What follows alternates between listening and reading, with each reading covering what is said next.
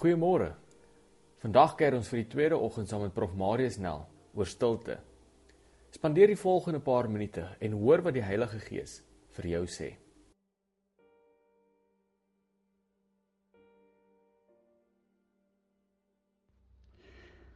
Ons gesels in hierdie oordeenking oor stilte as die plek waar 'n mens God ontmoet.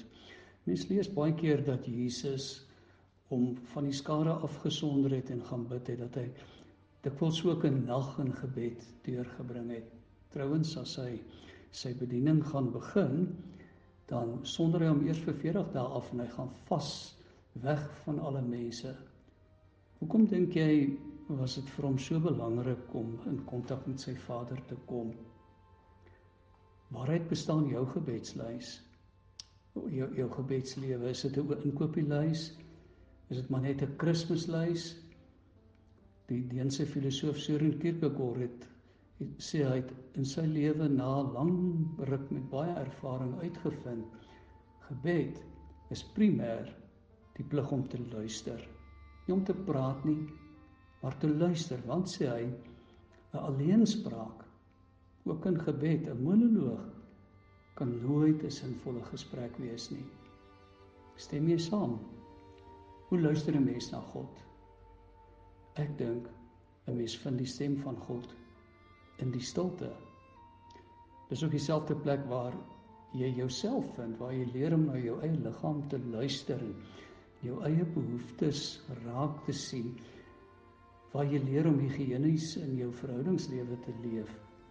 Want in die stilte ervaar jy ook evalueer jy ook jou lewe. Is dit nie so nie 'n boog wat vir baie lank gespanne bly verloor mettertyd sy veerkrag. En so ook 'n mens wat nie sy innerlike boog laat ontspan, stres hanteer en leer om rustig te raak nie. En ek dink dit mag nie minder as eenmal 'n dag gebeur nie. Kan ek jou vra waaruit bestaan jou stilte tyd?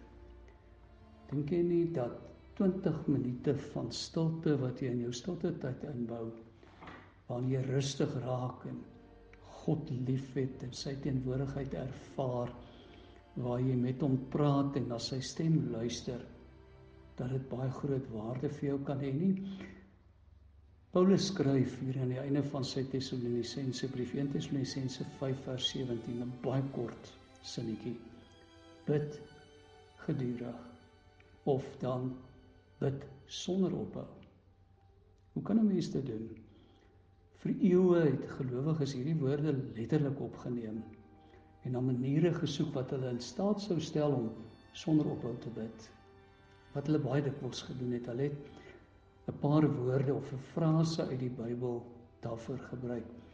En dan hulle heeldag as hulle gedagtes nie met iets anders besig was nie, dit gebid. Here Jesus, Christus seun van God, wees my genadig of kom o Skepper Gees of Maranatha kom Here Jesus of Jesus ek het u lief.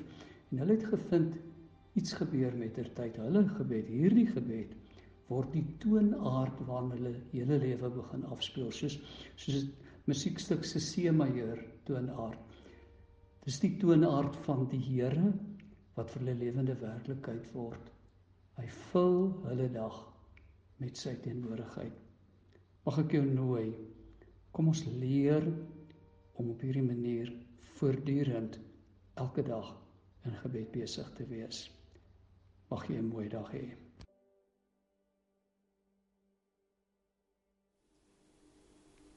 Here, dankie vir hierdie nuwe dag. Dankie vir 'n paar oomblikke waarin ek net kan stil raak in u teenwoordigheid. Heilige Gees, Ek vra dat U my deurlopend deur U woord sal herinner van U nabyheid. Ek wil vandag net vir U sê, ek het U lief. Amen.